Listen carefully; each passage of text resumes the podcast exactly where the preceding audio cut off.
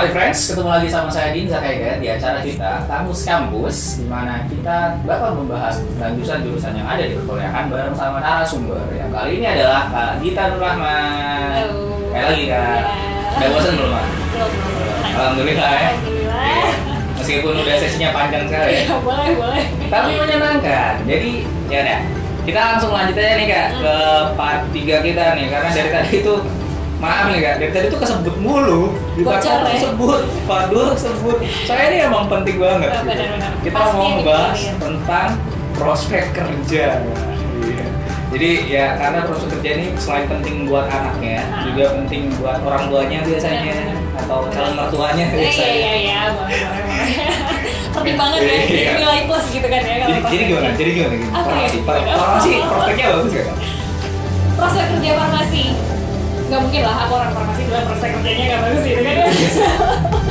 Tapi seperti apa prospek Ah. kerjanya? Mungkin eh, menurut aku pribadi ini prospek kerja yang sangat-sangat luas dan ini tuh sangat untuk mendalami satu persatu itu memang memang nggak bisa nggak bisa semua itu bisa terdalami oleh seorang apoteker bisa di industri bisa di farma di rumah sakit bisa di pemerintahan itu memang impossible ya kayaknya tapi kalau dibilang bagaimana prospek kerjanya lapangan kerjanya seperti apa. Menurut saya itu sangat sangat luas tapi dia spesifik. Spesifiknya itu spesifik obat ya kan ya.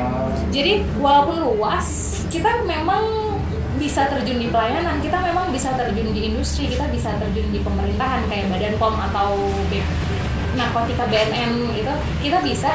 Tapi memang lingkup kerjanya ya spesifik itu tadi kita berhubungan dengan obat-obatan. Nah bagaimana prospek kerjanya? Tadi udah tersebut banyak ya. Kalau di pelayanan kita bisa terjun di apotek. Apotek itu perlu yang namanya apa? Apoteker penanggung jawab apotek. Di pelayanan seperti itu. Bisa juga terjun di rumah sakit. Di rumah sakit ada apotek. Apoteknya juga kan harus ada apoteker penanggung jawabnya. Dan apoteker klinis itu biasanya yang mendampingi dokter sama visite visite pasien. Biasanya mendampingi dan yang concernnya apoteker sendiri itu ke obat-obat yang diberikan sama si dokter. Biasanya dokter juga menanyakan gimana interaksi obat ini ke apotekernya. Jadi saling berdiskus diskusi di situ. Kemudian apoteker lahannya juga bisa ke industri. Industri sendiri ini sangat luas bukan karena saya orang industri saya bilang seperti itu ya. Tapi memang industri itu benar-benar mulai dari bagaimana formulasi obat terus bagaimana bahan baku obat bagaimana obat itu diproduksi bagaimana obat itu bisa rilis dari berbagai macam pengujian quality control, quality assurance gitu kan. Terus kemudian bagaimana obat ini didistribusikan oleh ada yang namanya farmasi sebelum akhirnya masuk ke distributor kecil berikutnya terus masuk ke apoteknya kemudian diserahkan oleh si apoteker ke pasiennya itu tuh harus ada apotekernya di sana. Bisa masuk di jadi eh, dari pendistribusian obat mulai dari obat itu diformulasikan sampai sampai ke tangan pasien sampai diminum oleh pasien memang itu diserahkan oleh apoteker. Dan itu kenapa saya bilang di industri ini luas sekali. Bahkan sampai setahu saya memang memang benar. Itu ada PP-nya atau apa ya SK SK pemerintahnya. Jadi semacam undang-undang atau apa ya ada undang-undangnya memang untuk kesehatan itu tadi ya. Di situ yang saya ingat ya yang saya ingat itu apoteker punya kewenangan tertentu. Salah satunya adalah berwenang menjadi penanggung jawab di produksi kefarmasian. Hmm, obat bahan baku dan oh, obat jadi obat jadi farmasi itu tadi. Kalau nggak salah eh, untuk kata-katanya saya agak lupa ya. Kayak gitu. Jadi memang yang berwenang adalah si apoteker. Yang lain ya yang nggak dikasih kewenangan nggak berwenang dong untuk jadi seperti itu. Kemudian dia juga untuk apoteker sendiri juga punya kewenangan berwenang untuk menjadi penanggung jawab penjaminan mutu di industri farmasi baik bahan baku ataupun produk jadi farmasian jadi memang spesialnya kayak gitu kita dilindungi di situ oleh undang-undang. Kita dilindungi oleh PP-nya itu tadi dan kalau industri farmasi nggak ada apoteker penanggung jawabnya nggak bakal dapet izin industri itu berdiri. Industri farmasi nggak ada penanggung jawab apoteker yang di bagian penjaminan mutunya nggak bakal dikasih izin industri itu berdiri. Itu kenapa profesi apoteker itu masih cukup berada di garis aman untuk kita bisa berdiri gitu loh karena ada pelindungnya itu tadi Oh. yang menjamin kita memberikan wewenang kepada Iya, kita iya. gitu Tuh. itu spesialnya apoteker gitu kan Ya, nggak cuma PNS nih yang dilindungi sama pemerintah. Iya. Biasanya suka gitu kalau orang tua orang tua udah kamu PNS aja. Gitu ya, dapat Farmasi jaminan ini nih, itu gitu ya. Jaminan. Eh, Farma apoteker pun bisa jadi PNS bisa yang ke pemerintahan di itu aja. pemerintahan kayak Badan POM, BNN kayak gitu. Tapi kan, tapi kan. Ini tadi kan kita membahas tentang eh, kayak ada s- di berbagai lini itu bisa dimasukkan sampai tracker kan dari kayak distribusi yang mulai dari awalnya sampai akhirnya itu ada penanggung jawab tracker ya. Tapi eh, balik lagi ke pertanyaannya si ada pusat kita tadi kayak udah nanya juga itu pertanyaan lain dia si X SYF underscore susah dia nanya sebenarnya eh, setelah lulus itu bisa langsung kerja gak sih itu kan cuman eh, mungkin ini balik lagi ke yang masalah tadi loh kak yang kita udah bahas tentang yang langsung dari jurusan farmasi sama eh, yang ngambil profesi, Profesi. tadi. nah itu kalau secara nyatanya nih Kak, di kayak tadi di eh, dunia kerjanya tadi tuh penempatannya kayak gimana sih yang yang farmasi tuh sama yang eh, ada profesi tadi itu kayak gimana sih sebenarnya? Seperti tadi yang aku tanyakan ya, eh, yang aku gambarkan itu kayak kedokteran, bidang kedokteran nih.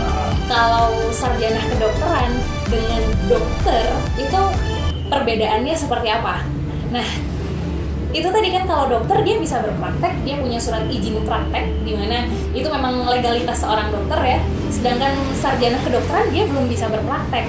Karena apa? Karena memang eh, pengaplikasiannya ketika dia menjalani profesi tadi pembelajaran proses proses pembelajaran di profesinya tadi itu memang berbeda dia udah langsung mengaplikasikannya sedangkan waktu masih di sarjana kedokteran itu teorinya aja nih kita belum benar-benar mengaplikasikannya sama kayak farmasi di sarjana farmasi yang saking luasnya yang dipelajari itu belum cukup untuk kita men, menja- meng- apa ya, mengaplikasikan apa yang kita pelajarin tadi itu kenapa di profesi mulai pengaplikasiannya itu udah mulai dijurus-juruskan Hmm. udah mulai spesifik nih kamu maunya ke industri mau ke rumah sakit udah mulai di sana kita mengaplikasikan ilmu kita Jadi itu kan kayak secara garis besar gitu kan. Tapi kalau misalnya kayak kasih kasih contoh satu lah. Misalnya yang tadi di industri Bu, ketika kita bikin obat mulai dari produksinya sampai distribusinya, penempatan orang orang-orang yang eh, lulusan profesi itu bisa menempatin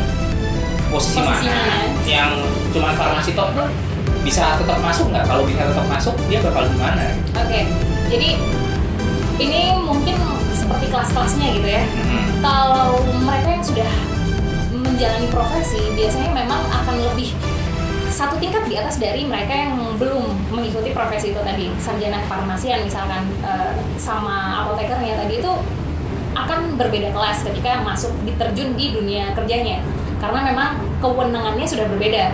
Si apoteker sudah dapat wewenang menjadi penanggung jawab untuk si S-Farm atau mungkin beberapa universitas masih SSI itu nggak bisa untuk jadi penanggung jawab. Oh. jadi mungkin bisa staff atau mungkin bisa mungkin langsung praktek analisnya kayak gitu. Beda beda. Jenjangnya itu agak berbeda memang. Jadi nanggung banget nih kalau misalkan sudah masuk S sarjana farmasi sudah masuk jurusan farmasi tapi nggak ngambil profesinya.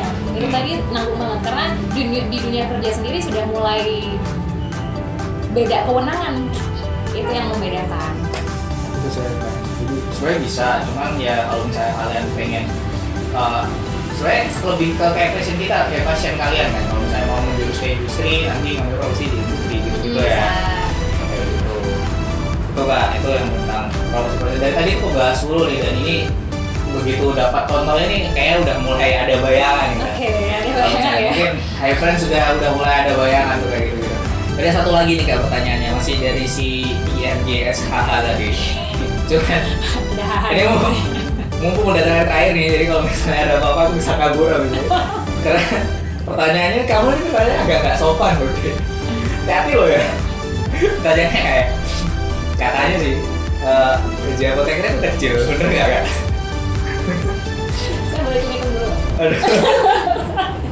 berat ini pertanyaannya berat banget gimana gimana? gaji apoteker itu kecil gini gini gini kalau balik lagi kalau dibandingin sama yang tinggi banget misalkan presiden Amerika ke atau presiden Rusia Ya. misalnya ya. Ber ya cuma receh-receh Ya. gaji apoteker gitu kan ya.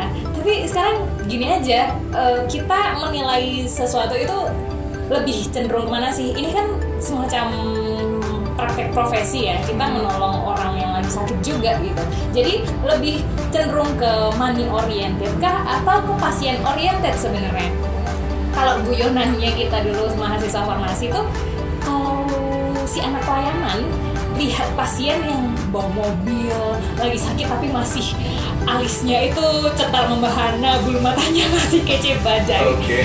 itu kita nggak perlu lah kasih obat yang murah-murah kasih aja langsung yang mahal gitu ini yang paling unik tapi beda lagi nih kalau yang pasien datang udah gendong anak terus mukanya udah pucat nggak ada make up make upnya kita ya ini lagi eh, seli apa pertimbangkan lagi eh, bisa kasih obat yang sebenarnya mutunya bagus kayak misalkan obat-obat generik yang kualitasnya juga masih bagus dengan obat-obat makan kita kasih kayak gitu. Jadi sebenarnya semuanya itu tergantung sama pribadi kita. Hmm. bagaimana kita menghargai diri kita? Setinggi apa sih kita menghargai apa yang kita kasih ke orang lain gitu kan ya apakah gaji sekian juta itu kurang dibandingkan dengan apa yang bisa kamu kasih ke orang yang lagi menderita kemudian dia bisa jauh jauh lebih sehat dan bermanfaat buat banyak orang gitu kan sekali biasa. Jadi menurut aku pribadi sih Ah. apa yang kita lakukan itu pasti akan berdampak baik itu dari sisi salary, baik itu dari finansialnya, baik dari orang melihat kita seperti apa. Jadi itu tergantung sama diri kita sendiri. gitu. Jadi gaji apoteker kecil itu rasanya rasanya mungkin kurang cukup menghargai dirinya jadinya seperti itu kan. Nah, Seperti itu, Mas atau Mbak siapa sih IFJ SHH jangan money oriented. Jadi ya itu tadi sih ya kayak jadi kayak ya, kamu kerja aja se- eh, dengan ikhlas terus dengan semangat nanti juga seiring dengan kamu berkembang nanti pasti salary juga menurun sih benar banget. di semua industri sih nggak cuma farmasi. mau di pelayanan mau industri pengalaman udah tinggi dia pasti meningkat juga Iya. itu kan ekornya seperti itu itu ya itu semua tentang farmasi hari ini. Jadi ya itu tadi. Terima kasih ya kita udah melalui tentang farmasinya itu apa udah masa-masa kuliahnya gimana terus tentang kerja kerjaan semakin bingung nggak? Sekarang saya semakin semakin lumayan lah lumayan. Maksudnya kebayang lah sekarang uh, farmasi itu kayak gimana. Cuma aku taker lah ya ternyata banyak. Semoga ada yang lihat juga semakin terbayang ya bagaimana praktek profesi eh, farmasi itu seperti apa. Sip. Jadi itu semua episode farmasi kali ini. Eh, nanti kita bakal ketemu lagi di episode episode jurusan-jurusan yang lainnya dan pasti juga dengan narasumber yang lebih seru lagi. Jadi itu tadi Hi Friends eh, episode kali ini tentang jurusan farmasi. Terima kasih buat kalian semua yang menonton. Terima kasih juga buat UR yang udah ngasih tempat kita di sini yang indah dan cantik ini. Juga jangan lupa subscribe YouTube kita dan follow juga di Instagram kita, Twitter kita, dan like Facebook lagi di kampus selanjutnya. Bye.